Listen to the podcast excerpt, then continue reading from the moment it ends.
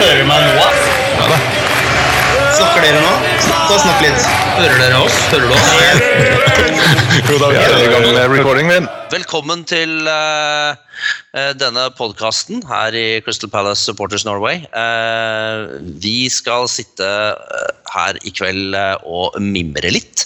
Jeg heter Kai Lindseth, og jeg har med meg Tor Øystein Våland i dag. Og vi uh, skal snakke litt om gamle dager. Og det er jo 30 år siden, Tor Øystein. 30 år siden eh, supporterklubben så dagens lys. 30 år siden eh, denne våren, og så var det, er det noe 30 år og noen måneder siden Ørneblikket kom ut først gang. Men Det er 30 år siden, og jeg tenker jo at det er et uh, jubileum verdt. Og det er en morsom idé da, så å sette seg ned og prate litt på disse podkastene om gamle dager. Tre tiår, Kai. Hæ? Tre tiår, tenk på det. Da vi møttes for tre tiår siden, så hadde du langt, langt, langt hår og kom fra Harestua. Hæ? Ja, ja, ja, ja, det gjorde jeg. Røyka rullings gjorde jeg òg. Ja, det gjorde du òg. Ja da. Så det er mye som har skjedd på 30 år. Ja, ja, det var fint, det. Men uh, Tor Øst- Tor Øystein, kan ikke du fortelle oss hvordan, hvordan kom det i stand at denne supporterklubben vår ble født? Det var Altså, jeg har jo fulgt Palace sånn som mange andre siden jeg var guttunge. Var i England, bodde hos en familie utenfor London og ble tatt med til Selhurst Park i 1971. og ble liksom bare frelst, utvalgt, plukket ut blant de få som skulle få lov til å lide gjennom dette lagets elendighet i mange tiår. Og så har jeg jo fulgt Palace da, som, som eh, gjennom, gjennom livet. Og så var det eh, året før 1991, 1990, den, den eh, april i 1990, så, fikk jeg, eh, så reiste jeg til for NRK, jeg jobba i NRK i nyhetene, og sto for å lage en sånn italiensk fotballkulturserie på NRK radio. Og da eh, møtte jeg, var på treningen til Inter og var hjemme hos Nils Lidholm, som var en gammel storspiller og manager svenske opp, som drev et vin, en vingård oppe i Piemonte. Og der var jeg eh, den dagen Pella spilte semifinale mot Liverpool i april 1990, og Alan Pardew skåra vinnermålet sitt. Og da satt jeg der, Det var jo litt sånn spesielt, for jeg gikk jo der jeg var veldig sluff, sånn lufsete, loffete norsk journalist på tur i Italia og hjemme hos en sånn fin svenske som drev vingård. så Det var, det var veldig sånn out of context. Og der sto kampen på. Så jeg måtte liksom begrense jubelen. og liksom, Var det Pardew som skåra det vinnermålet? Hva er det husker vel du? I, i uh, ekstraomgangene. Ja. ble Det blei jo 4-4-3. Den eh, Ja, 4-3. Og der, den sto på, og så, og så var jeg veldig glad. da. Altså, så for, måtte jeg forklare at jeg holdt med Palace. Og så kom samtidig en telefon som jeg venta på, nemlig at jeg da skulle få møte, som en del av denne fotballserien, møte Idego Maradona som et, til intervju. Og det skulle være påfølgende fredag, som var langfredag 1990. Og det fikk jeg også gjort. Og så kom jeg hjem og laga denne serien, og så, og så var det um, veldig mye sånn kobling i hodet mitt mellom Nils Lidholm, Palace-kampen, finalen som kom, den store første finalen, den elendige andre finalen, og Maradona. Og så, og så ble, ble liksom Palace-bevisstheten min liksom løfta litt opp gjennom disse forskjellige inntrykkene. Og så hadde vi jo en, på, en påfølgende vinter hvor vi var veldig påskrudd det som skjedde med Palace. Og tenkte at det er vel ikke bare jeg i hele Norge som holder med dette laget. Det finnes vel kanskje en og annen som gjør det òg. og fikk lyst til å lage en klubb. Og da var vi en gjeng som i det kollektivet hvor og du også kom, Kai, i uh, Bergslins gate ved Blindeforbundet i Oslo. Der møttes vi og laga Det var liksom noen kulturfolk og, og um, Ja, for da, mal, ja, da var det på en måte venner av deg som du ja, liksom tromma sammen. Ja, for det var jo noen regler. Mhm. Supporterunionen hadde noen regler for hvordan man skulle lage klubb. Det måtte være et styremøte, det måtte være så og så mange. Da tromma vi sammen noen, da, som var med på dette. Mye teologer. Mye sånne, og mye, sånne, mye lufsete teologer. Utvilsomme teologer. Som da ble med på dette prosjektet. Og så kom du inn i bildet. Du hørte jo om dette ganske kjapt. Hvordan Ja, hørte du om det? Jeg fikk høre om det uh, via en, en kamerat av meg som var medlem av Manchester United sin supporterklubb. Og, og en dag så uh, tok han med medlemsbladet deres på skolen. Jeg gikk jo på videregående den gangen, og så, og så viste han meg For det, husker Supporterunionen hadde jo en sånn side som alle medlemsbladene skulle Ja. trykke, med alle, alle supporterklubbene. Og, og da viste han meg Se her, Kai, det, er jo, det har jo kommet en supporterklubb for Crystal Palace. Og da skrev jeg jo til deg og blei medlem, og det var vel Det var vel ganske kort tid, tror jeg, etter at det første ørneblikket kom ut. Altså den høsten 1991. Det var i september 1991 kom det første ørneblikket ut. og da, for jeg- tror også at det var etter det, for du sendte oss et brev hvor du korrigerte en del informasjon. Så det var en del feilopplysninger som, som Stemmer det. stemmer det. Jeg er jo, jeg er jo sånn hvert fall på den tida, jeg er jo litt sånn Palace-nerd. Kanskje litt? Eh, Kanskje ja, bitte litt? Kanskje litt. Eh, Og det er klart, sånt, sånt eh, det gikk ikke meg hus forbi. Men, men, det, men det gjorde jo at vi kom i kontakt. Mm. Og, og, og, og det jeg syns var litt morsomt da, det var jo at du på en måte spurte meg om jeg kunne liksom bidra inn, inn i ørneblikket. Og, og det var jo lenge før vi i hele tatt hadde møttes. Mm. Og jeg, jeg, jeg husker jo fortsatt altså den altså Når jeg fikk det første ørneblikket i postkassa, det var liksom Det var noe helt spesielt. Uh, og, og, og det bladet det, det er klart, det, mange mange sider er det. Åtte-ti sider. Det er Ja, jo åtte, ikke åtte sider første. åtte, åtte sider. Og det, det er klart, det, er jo det er jo, Du har jo laga alt som er der inne. Og det, det er klart, altså det er, jo, det er jo en start. Og så skjønte vi jo ganske fort at vi måtte jo Det blei jo ikke bedre enn hva vi gjorde dette sjøl. Det var liksom en sånn Jeg tror jeg hadde litt sånn jeg meld- fikk jo lagt inn Når vi fikk meldt inn denne klubben lag, Hadde det første styremøtet, og så fikk vi meldt oss inn i, i supporterunionen. Da var det jo om å gjøre å få kommet med på den listen som du viser til nå. Denne listen som ble trykt i de forskjellige supporterbladene. Sånn at, for, for jeg tenkte at det var en måte å få Få spredd ordet på, rett og slett. ja, spredd ordet. Fordi her er det jo sånn at Nettopp det som skjedde med, med kompisen din, som da var inne, innrullert i en klubb Det er jo sånn at det er litt sånn Man har jo litt fellesskap på tvers av disse klubbene. Av en supporter. Altså Den eh, gode, ekte, ekte supporter er jo ikke bare interessert i laget sitt, men interessert i fotball. Og, og, og, sær, og særlig på det tidspunktet her, da, hvor det var én tippekamp i uka. Ja. Det var det Ja, du fikk. ja. Det, det, det var det du fikk se. Det var jo ikke sånn som nå, hvor det all, alt går på TV, og det er fotball på TV hver gang. Altså Hvis vi har noen yngre lyttere her, så er det kanskje vanskelig å se for seg at det gikk én fotballkamp i uka på TV, og den så alle. Uansett hvem det var som spilte. Det, det, det, det var, spilte ikke så stor rolle hvem som spilte. Det var den ene kampen du fikk se. og da da, da blei det til at det, var en, en større sånn interesse på tvers, og man snakka fotball uh, uansett hvilket lag man måtte holde med. Uh, og, og det var sånn og det er jo mange, mange jeg har snakka med opp gjennom åra som, som akkurat på denne måten er jo, er jo i starten i hvert fall viktig rekruttering. Det som var lett å rekruttere til, det var jo det styremøtet hvor vi etablerte klubben. Fordi folk syns jo det er morsomt med Palace. Og det er jo litt annerledes, og det tenker jeg fremdeles er tilfellet for alle som holder med Palace, at det er litt sånn eksotisk. Veldig få som hater oss. De syns jo litt morsomt med oss. Litt spesielt. Litt spesielt og nesten litt sånn irriterende hyggelig av og til. Men, eh, men det var veldig lett å rekruttere gjengen som skulle være med, så vi fikk det der eh, styret på plass. da. Men de forsvant jo ut, stort sett de andre folka. Og så kom du inn, så kom andre inn, og så overtok dette her. Men det var liksom et sånn, litt sånn skråblikk på hele supporterkulturen, husker jeg også. Jeg tror at så Da vi laga nummer 100 nå, eller da Øystein laga nummer 100 av Ørneblikket, så, så tenkte jeg på hvorfor bladet var blitt rosa. Ja. Og jeg hadde vel egentlig ikke noe sånt godt, har ikke noe helt godt svar på det. Fordi da, da jeg jobbet jo i NRK, og så skulle de trykke en Ørneblikket i kjelleren i hustrykkeriet. Der du fortsatte å trykke det senere, og det Ja. gikk, var mange år, det. Men, men de fant jo fram hvitt papir, så de skulle trykke bladet på. og Da sa jeg nei, vi kan ikke ha hvitt papir.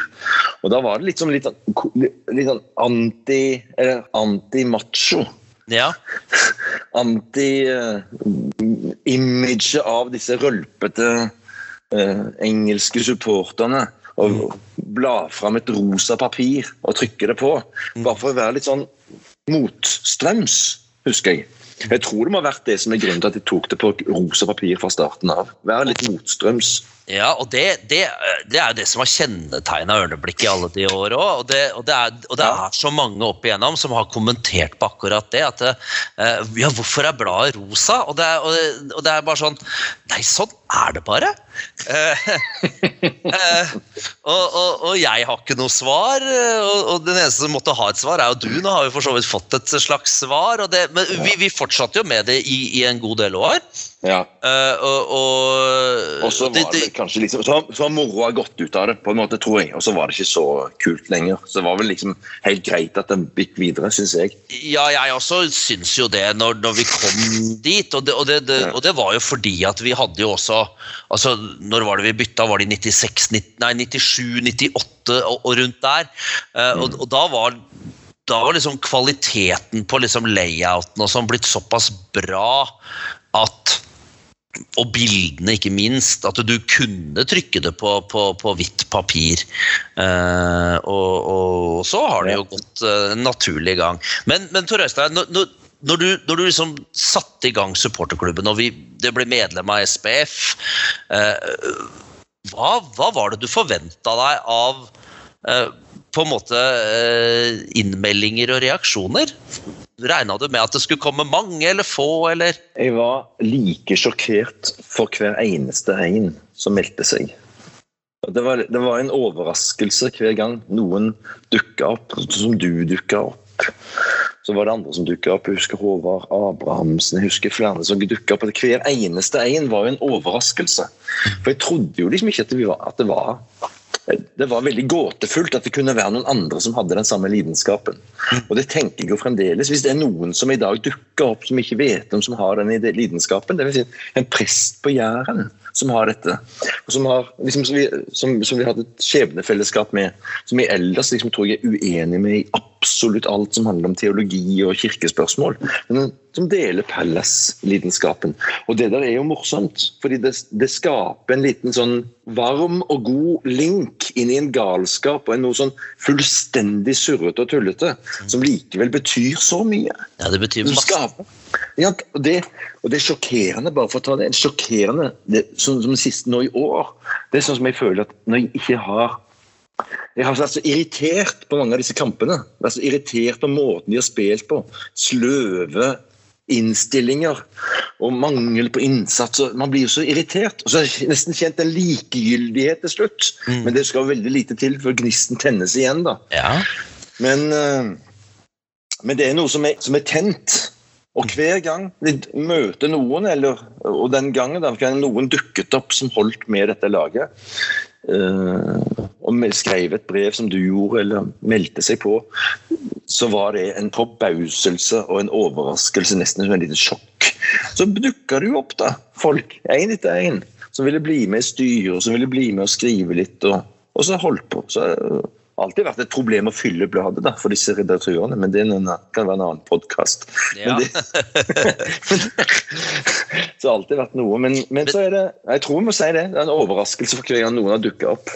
Det var jo et ganske jevnt tilsig. Ja, det var det det var. Uh, det, vi har jo opp navnene i bladet. Ja, vi gjorde det de første to-tre årene der. Så, var det jo, så trykte vi jo medlemslista. Og, og, og ja. gledelig, veldig mange av de som var med den gangen, er fortsatt med oss i dag. Ja. Eh, faktisk overraskende mange. Uh, med tanke på hvor, hvor, stor gjennomstrømning det tross alt er i, i en sånn organisasjon uh, som vår. Uh, men det er klart, altså det husker jo jeg også fra øh, når, når jeg da tok over som, som, som, leder av supporterklubben da etter det første året. Uh, og, og, hver gang du fikk et, et brev Du fikk jo brev i posten den gangen. Folk, folk, skrev jo personlige brev. Uh, og, og, og det, det, var alltid like gøy. Uh, og så var det alltid litt spennende å se om det, om det kom en innbetaling. Ja. Uh, for det var, jo ikke alle som, det var jo ikke alle som betalte eller meldte seg inn, til tross for at de skrev og sa at de ville gjøre det. Det var nok en del folk også som bare ville ha en bunke med medlemsblader å lese også. Men der er du inne på, på noe ganske vesentlig, Kai, når det gjelder måten å følge med på og måten å ha kontakt på. Mm. At alt, alt det som nå de siste årene tar som en selvfølge digitalt. Det fantes jo ikke. Og dette er jo før starten på det digitale. Eh, og det, måten din å koble, koble deg på Gar Gareth Southgate, husker du? Ja, ja, ja. ja. Et, og, og min måte å koble meg på Mark Bright. Han var han som var uh, President i to uker. ja, Var det ikke det? To uker? Jo, jo, det var to uker. uker. til Sheffield Wednesday. Han spurte om det da jeg møtte ham på treningsfeltet. Hvis nå jeg ikke hvis jeg blir solgt, hva gjør vi da? Nei, da er det ikke lenger supporterklubbens æresspiller, æresmedlem. Så gikk det to uker, så forsvant han. Så jeg minnet han om det på en av disse turene våre. Men det, tro- og så, så, lot han som han lot som om han husket det. da. Jeg tror ikke Ja. han husket det i det hele tatt, men eh, det er annen side av saken. Men det, det, var jo, det var jo ganske morsomt den gangen. Hvordan, gikk du fram når du skulle lage stoff til disse første jeg tenker to-tre ørneblikkene, som på en måte jo var på en måte ditt, ditt skaperverk alene?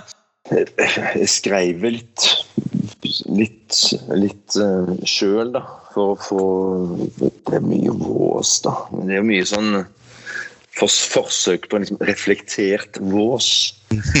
Og, men så, så tenkte jeg at jeg er jo journalist, så, så, begynte, så dro jeg jo over for å lage litt story, storyer fra enten supporterklubbene eller fra Palace eller fra treningsfeltet. Og møtte møtte disse Eagle Eye-folka. Mm. Som satt inn på et redaksjonsmøte på en pub inne i sentrum av, eh, av London og laga dette bladet. Så kunne det bli noe stoff.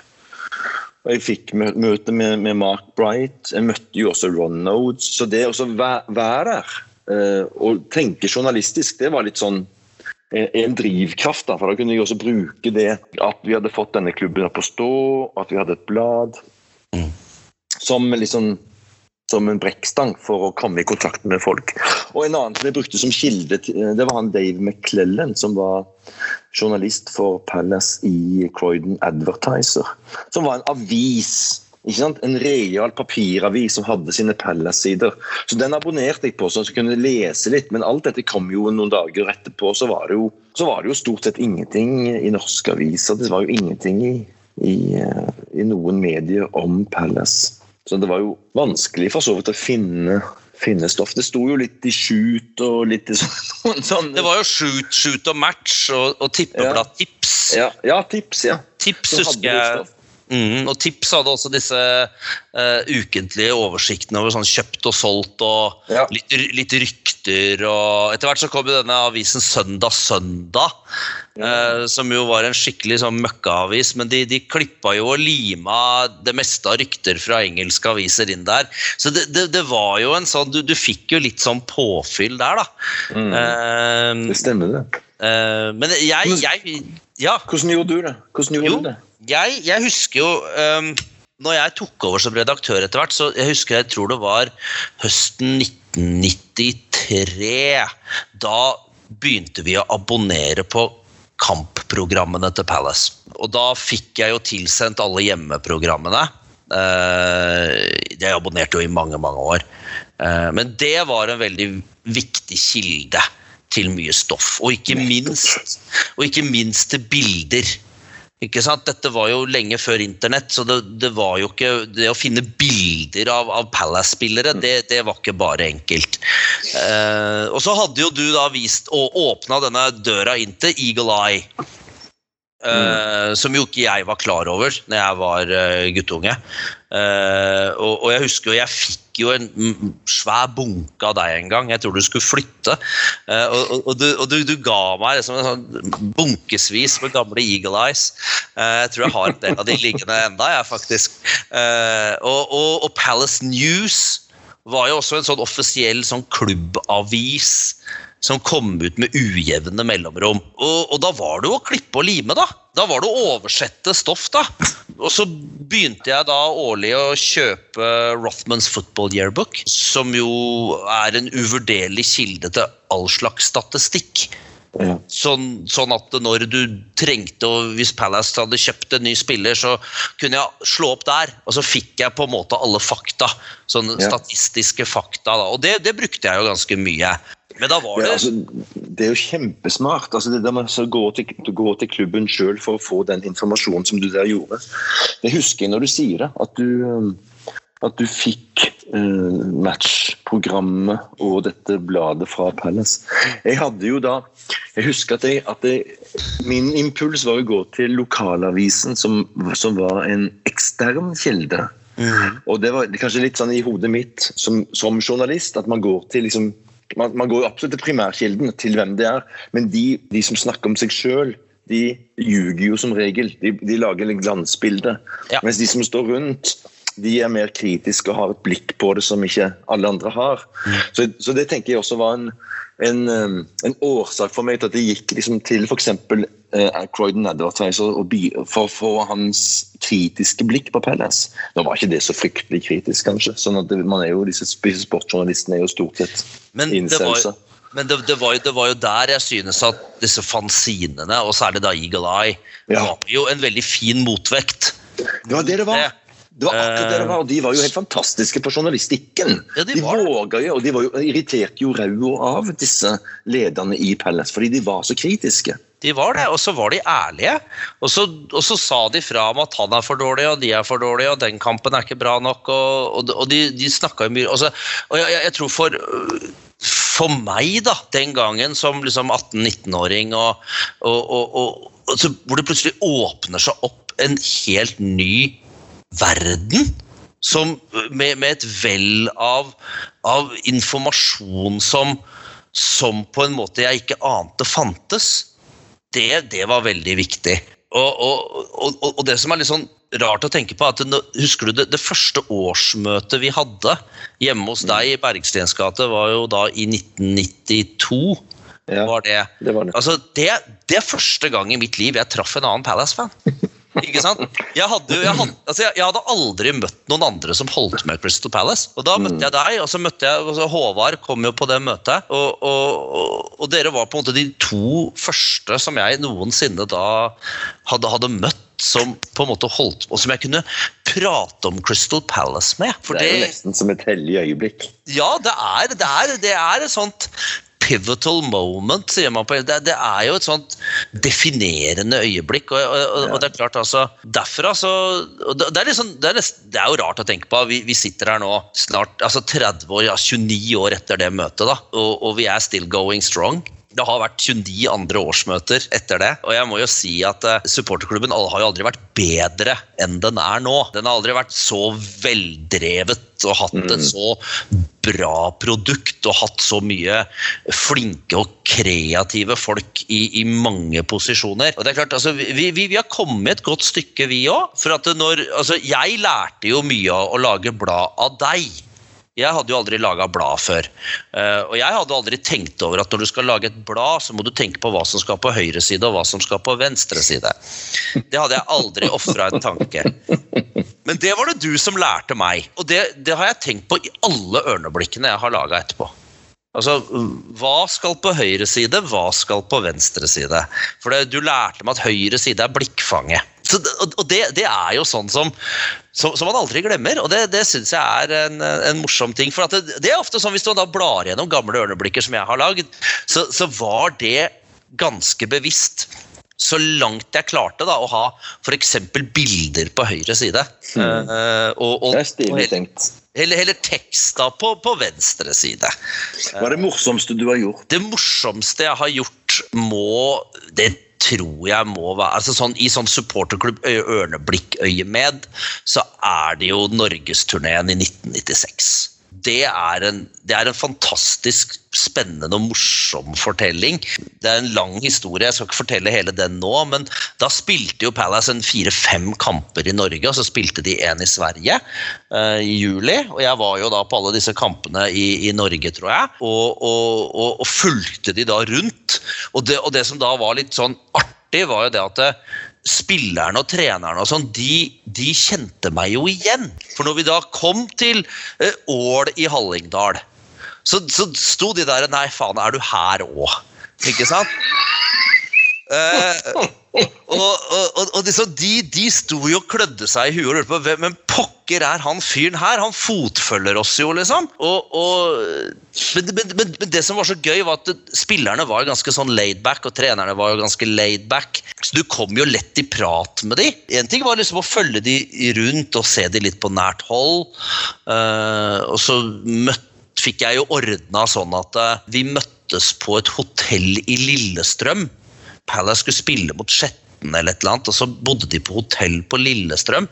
Og så fikk jeg da avtalt sånn at jeg kunne komme dit en, en, en formiddag eller en ettermiddag, det husker jeg ikke, men en, i hvert fall komme dit og, og, og intervjue noen spillere og litt sånn. Uh, mm. Og det var veldig veldig gøy å sitte ute i lobbyen der og snakke med David Hopkin og Dave Bassett. Veldig, veldig bra. Uh, mm. Og det, det syns jeg var Det er kanskje mitt, mitt fineste øyeblikk. Uh, som sånn Ørneblikket supporterklubb. Uh, mm. fordi det, altså, når du da har dyrka på en måte sånne ting på avstand ja. i, i alle de år, og plutselig så sitter du der og snakker med dem. Du sitter og snakker med på en måte spillerne du har sett på TV. Det, det, det husker jeg, det, det, var en ganske sånn um, morsom, morsom ting. Uh, Men det du der snakker om, det er noe som er 25 år siden. Mm. Hvis det var på midten, andre halvdel av 90-tallet. Mm. Og det høres jo helt nydelig ut. Men jeg tenker at siden det, siden midten på 90-tallet, siden du møtte Bassett og Hopkin på et hotell på Lillestrøm og snakka med de i lobbyen, så, så, har det skjedd ganske mye i fotballen òg. Det har det. det har altså, den avstanden som har kommet mellom lag og supportere, mellom spillere og supportere, den dyrkelsen som er kommet gjennom sosiale medier, mellom nettet og mellom ikke minst TV-sendingene og, og folk, har gjort at vi er på en måte kommet Vi tror jo at vi kommer tettere på når vi ser dem på TV. Vi tror vi vet hvem de er. Men det gjør vi jo ikke. Vi aner jo ingenting om disse menneskene. Men de, de, skaper jo også sine forestillinger. Jeg tenker jo stadig han, han Petter Myhre, som er en av de som jeg faktisk har litt respekt for, av disse fotballkommentatorene som vi har nå. Han snakker jo av og til om nettopp den enormt vanskelige jobben det har blitt for en manager å klare å holde disse gigaegoene sammen og dra i samme retning. For de er jo hver for seg så hevet over alt jordisk gjennom den dyrkelsen som er blitt til del. Og Det er ganske tankevekkende. Jeg tenker på det du gjorde da, og det husker jeg sjøl fra disse uh, ruslingene mine på, på, på, med, med, Mark Bright og sånn. Og, og for så vidt i Italia, da jeg var på trening til Inter og møtte noen sånne, sånne, stjerner, og møtte Maradona. Men det var like, til og med han var jo likevel tilsnakkende ja. for, en, for en ussel journalist fra et land langt i nord. Fordi det var liksom ikke Fremdeles var det Kanskje Maradona var litt unntak, han var jo dyrket veldig kraftig. det snakka jo mye om, altså, men det, men det var jo likevel en slags sånn mulighet for å komme i kontakt. Det var jo det, og jeg, jeg husker jo det at eh, det var vel det var det året etter, da, sesongen etter, var det 97, et eller annet sånt, hvor jeg var i England og, og tenkte jo da at eh, nå, da skal jeg lage ting for Ørneblikket i England. Uh, så jeg, jeg dro på treningsbanen til Palace. Og spaserte jo, spaserte jo rett inn. Ja. Ikke, sant? Ikke, ikke en vakt, ingenting. Det som var veldig gøy, det var at Ray Lewington kjente meg igjen. Han kjente meg igjen fra da uh, sommeren før, eller når det var, og han, han, han, vinka og hilste. Og det var veldig, veldig gøy. I, sik sikkert i shorts. Uh, jeg, jeg, husker jeg bare sto på en sånn vold og sto og jeg, kunne, jeg sto rett ved siden og så på at de trente. Og så, og så når, når treninga da var opp, uh, over, så, så, så manna jeg meg da opp. Og så, så, gikk jeg bort til et par spillere. Og så, jeg, så presenterte jeg meg og sa at jeg kom fra den norske supporterklubben. Og, og, sånn, og, og, lurte på om de kunne stille opp til intervju. Og det var jo to-tre stykker som, som, gladelig sa ja til det. Det var noen som sa nei òg. Men jeg husker Herman Reidarsson tilte jo opp. Kanskje det var flere også. Uh, og, det, og det er klart, det der er jo helt utenkelig. Ja, det er det. I dag er det helt utenkelig. Du må gå via 14 desinformasjonsmedarbeidere i dette, en eller annen overbemanna avdeling som ikke gi, som ikke vil si ja. ja. Så, så, det er klart, det, og, og jeg, jeg, tror det er litt det som er viktig for oss.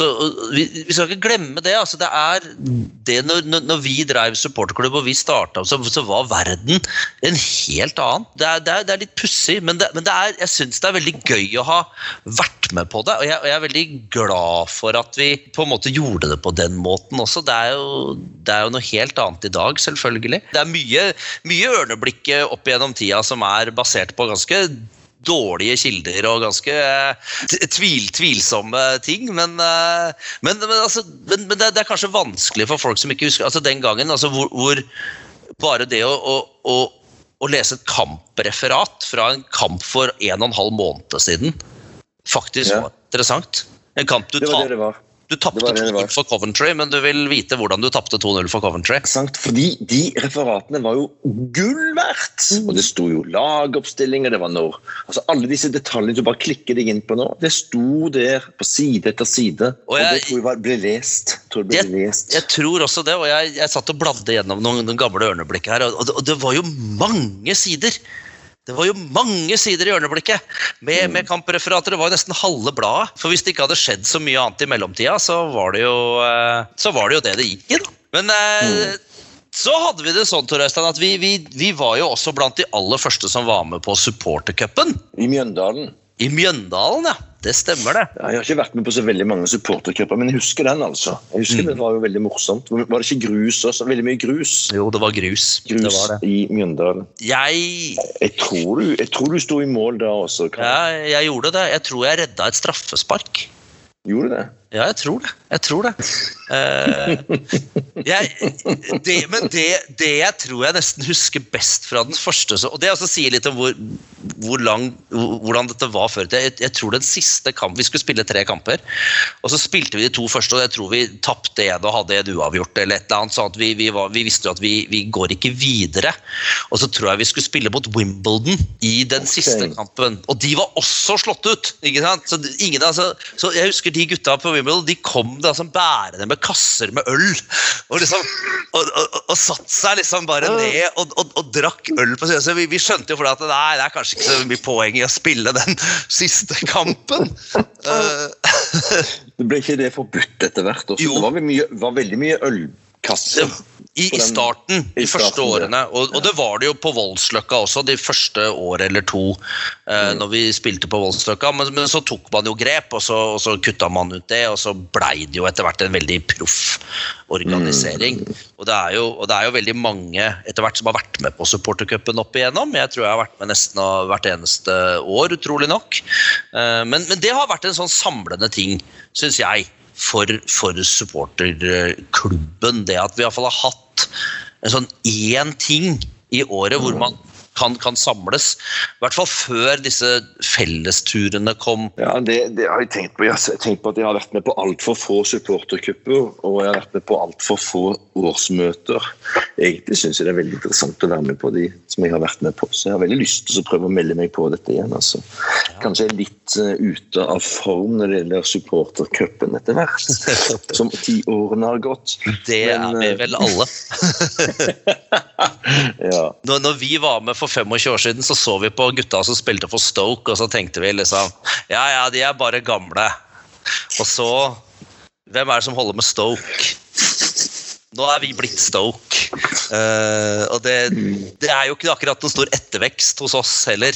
akkurat Vi, nå. vi må lage supporterne selv. Vi Jeg må har det, to, for det. har to stykker av mine gutter som driver på, og både Gustav og Christian de er Jeg tror de er på innsiden av en slags sånn Palace-identitet. altså. Ja, det er bra. Det er bra, Ja. fordi Vi må lage de sjøl. Du må det, og det Men jeg, jeg, jeg, må jo si det at når, når vi nå liksom sitter her 30 år Hadde du trodd det, Tor Øystein? På 30 år siden? At vi fortsatt jeg, skulle sitte her? jeg, jeg visste ikke at jeg skulle leve i 30 år til. Jeg vet ikke om vi hadde så veldig sånne perspektiver på, på Det var veldig der og da. Nei, det, det ville vært veldig rart perspektiv å tenke så langt fram, og det hadde ikke vært mulig å se for seg at 2021 noen gang skulle komme. Det var vanskelig nok å se for seg at vi skulle skifte årtusen i 1991. Men Men, jeg, jeg, men, men det var veldig mye der og da. Jeg husker jo at noe av det som jeg syns var for meg et høydepunkt, det var å møte Ron Nodes. Det var vel året etter etter at vi hadde starta denne klubben. Og jeg fikk liksom audiens. Og da presenterte jeg meg som norsk journalist fra NRK, equivalent to the BBC. Og da var liksom en vei inn. Also Palace supporter. Å ja, det var greit. Det var liksom, dette var interessant. Og jeg fikk jo et møte med han som jeg syntes var utrolig hyggelig, på, på ett plan. Fordi han tok meg så veldig vennlig imot. Mens det eneste han var opptatt av å snakke om, det var hvordan Palace var en bedrift og han skulle, skulle, gi ham inntekt på sikt. Han viste meg så begeistret en sånn en, pappen, Det var, mer, det var en, en, en, liten sånn en figur da, som han hadde på stående bord av den nye Selhurst Park. Og nå kom jo denne nye, eh, den nye Den ene tribunen ble jo reist etter et par år på baksiden av målet. Men, men, ellers så har det vel stått litt stille akkurat på det. Men jeg fikk jo sånn bilde av han som, som provoserte meg også så fryktelig. altså, Som en sånn høflig, men sjarmløs og åpen og pengepratende mann. Han var jo ganske kynisk, Nodes. Ja, han, han var kynisk. Han var, jo, han, var jo, han var, jo, først og fremst forretningsmann. Så til de grader. Men så ble jo da Du fikk jo brev ja. fra Palace om at de ville stevne meg for, for retten for æreskrenkelser.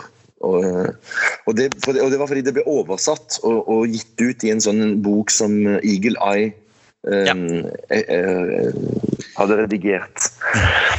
Og det, det, har jeg tenkt, tenkt jeg har nok, har nok tenkt det at dette sånn journalistisk var litt i grenseland av det etisk holdbare.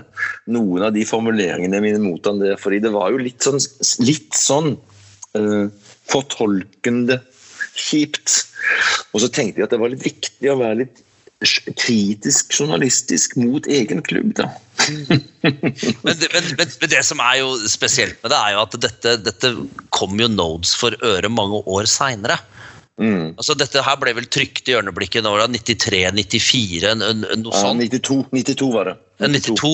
Uh, og, og, så kommer denne boka, We All Follow the Palace. Den, den blir jo gitt ut i hvert fall tre, fire, fem år etter det. Uh, sånn at dette kommer jo på en måte litt sånn totalt ut av det blå. Men, men, han ble veldig sur. Han ble veldig sur. Han ble veldig sur. Og det Men Jeg, skjønte, jeg, skjønte, jeg skjønte, det godt, men, men det var litt det var, ikke, det var, jo en måte å fortolke ham på som jeg syns ikke var liksom helt borte vekk. For han var jo forretningsmann, som du sier. En kyniker. Han ville først og fremst tjene, tjene penger på Palace. Sånn sett var han jo tidlig ute. Han var jo en moderne fotballeier. Ja på, på et, som hadde en, en, ambisjon om å bruke det som et virke, virkemiddel, et verktøy for selv å berike seg. Altså, det, så det var sånn var han tidlig ute. Men, men, men det, det, som var så spesielt der i den situasjonen, var at jeg, jeg tror faktisk jeg har det brevet enda. Altså, Ron Oates har da lest hele dette intervjuet, og så har han gula ut de mm. bitene han, han, han, ikke likte. Og dette, og dette delte han med meg. Altså, han, ja, du var jo leder. Du var jo leder. Ja, var, jeg var jo leder. Må jo gå via meg. Eh, han, han, han, fikk jo din adresse og sånn, men, men altså, han tok seg brytet. Altså, du kan si mye om Nodestones, Nodes var ikke en særlig ålreit fyr, tror jeg, men, men han tok seg alltid tid til å svare. Og der er mm. vi litt, litt igjen sånn som vi snakka om i stad, hvordan ja. avstanden har blitt så stor. Altså, ja. Jeg skrev mange brev til Nodes, jeg. Og mange av dem var sikkert ikke veldig gjennomtenkt heller. Jeg husker jeg skrev et rasende brev når de ga bort Andy Thorne gratis, f.eks. Men, mm. men han svarte. Ja. Ikke sant? Han sendte alltid et svar. Og jeg har flere brev sånn jeg fikk fra når Alan Smith var manager. altså Jeg husker jeg har jo disse håndskrevne brevene fra, fra Gareth Southgate, ja. f.eks. Eh, de trykka vi jo. De trykka vi jo, Både de, de oversatte vi og alt. Ja, ja. inn exensio. Og de, de, de, de, har jeg her fortsatt. og det, det, er klart, altså, Sånt skjer ikke mer. Det er noe av det sympatiske man kan si om virkelig, altså om, om Ron Oates også. Han var en fyr som det gikk an å komme inn til, og som snakka åpent. Og så var det mye bullshit, og det var mye irriterende, det var mye som man kunne mislike. Men han var der jo. Altså, han stilte jo opp for en supporter fra utlandet, og du skrev til han, han svarte. Det skal han ha i graven. Ja, jeg, jeg vet, ikke om, vet, ikke om, Steve Parish hadde svart på en e-post uh, så lett i dag. Men bare det at de gadd å, å, å, å skrive og signere og, gjøre det ordentlig Det, det husker jeg, det, det syns jeg var veldig stas. Å få liksom, bare, det, bare den gangen å få et, en, en, en konvolutt med, med Palace-logo på. Ikke Ja, sant? I posten. Fantastisk. Og, og brevark med Palace-logo. og altså, vet du hva, det, det var helt magisk. Det var det tok med. Akkurat sånt brev som du sier nok, to var det tok med til eh, jury, advokaten Norsk Journalistlag for, å spør, for å spørre han til råds. da. Og det var jo så stas. Jeg var jo truet med å bli stevna for retten, men det var jo stas. Fordi det var en Palace-logo, som var liksom så kjekt å få. Og dette er vel egentlig det disse første årene med Palace-klubben og med Ørneblikket og med denne rare interessen. Det er det at det var så, det var så analogt. Vi ringte fra fasttelefoner til fasttelefoner på kontoret i, i, i Sør-London. Eller vi sendte brev som ble skrevne og puttet i post en postkasse. Fikk brev fysisk tilbake. Det var liksom ikke andre måter å kommunisere på. Nei, det, det var ikke det. og du, du, måtte liksom, du måtte ringe hjem til folk for å spørre. og, du, og vi hadde jo altså, vi var jo da, I disse første årene så var vi jo gjerne tre stykker i styret. altså det var Først så var det deg og meg og Håvard Abrahamsen som var kasserer.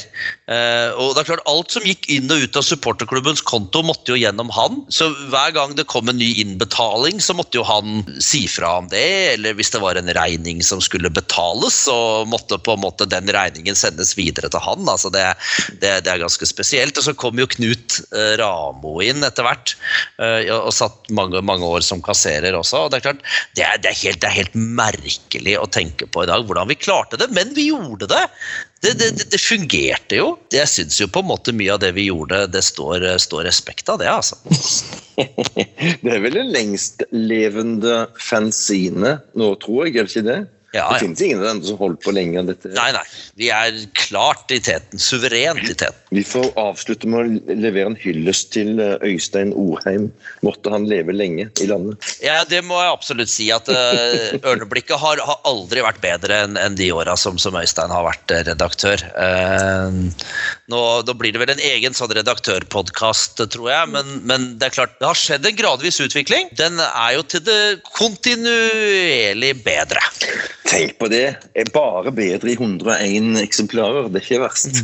Nei, det er fantastisk. Og, det Fantastisk. begynte, og det begynte på topp, og så er det bare gått oppover. Hæ? Ja, Det ja, er ja, ganske ja, ja. fantastisk. Ja, men så, så synes jeg jo det at det er noe av det som er er det morsomste nå gjennom 30 år med supporterklubb, er jo det at det, altså, det er jo Mange av oss har jo blitt gode venner. ikke sant? Vi, vi, vi har jo liksom, vi har kanskje ikke så mye annet til felles alltid heller, men vi har akkurat det her.